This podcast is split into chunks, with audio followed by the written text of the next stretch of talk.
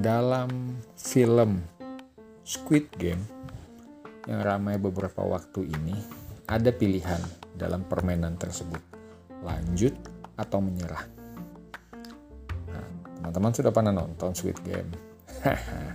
Hai salam jumpa. Ketemu lagi di Teruna Podcast edisi Kamis 11 November 2021 pembacanya terambil dari kitab Roma pasal 15 ayat 12 hingga ke 13 kita kembali nih ke pertanyaan yang pertama tadi.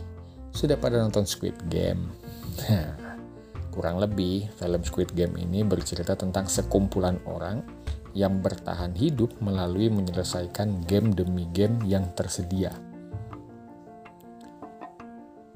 Bukan hanya Squid Game, semua permainan pasti selalu ada pilihan, lanjut atau menyerah.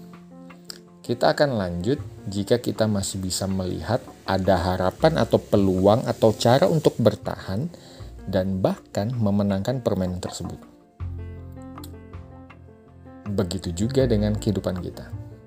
Kita akan menyerah jika kita merasa sudah hilang harapan atau kita sudah melihat tidak ada kesempatan lagi untuk bertahan hidup. Hal ini yang patut kita syukuri yaitu di mana kita memiliki Tuhan yang hidup. Melalui bacaan kitab hari ini, kita diajarkan untuk selalu berusaha dan berserah kepada Tuhan, karena pengharapan di dalam Tuhan Yesus selalu indah pada waktunya. Ia pasti memberikan kita jalan agar dapat menjalani misi demi misi di game kehidupan yang kita jalani pada saat ini. Yang pasti, masing-masing game berbeda-beda jadi kita tidak bisa menyamakan game antara aku dan kamu.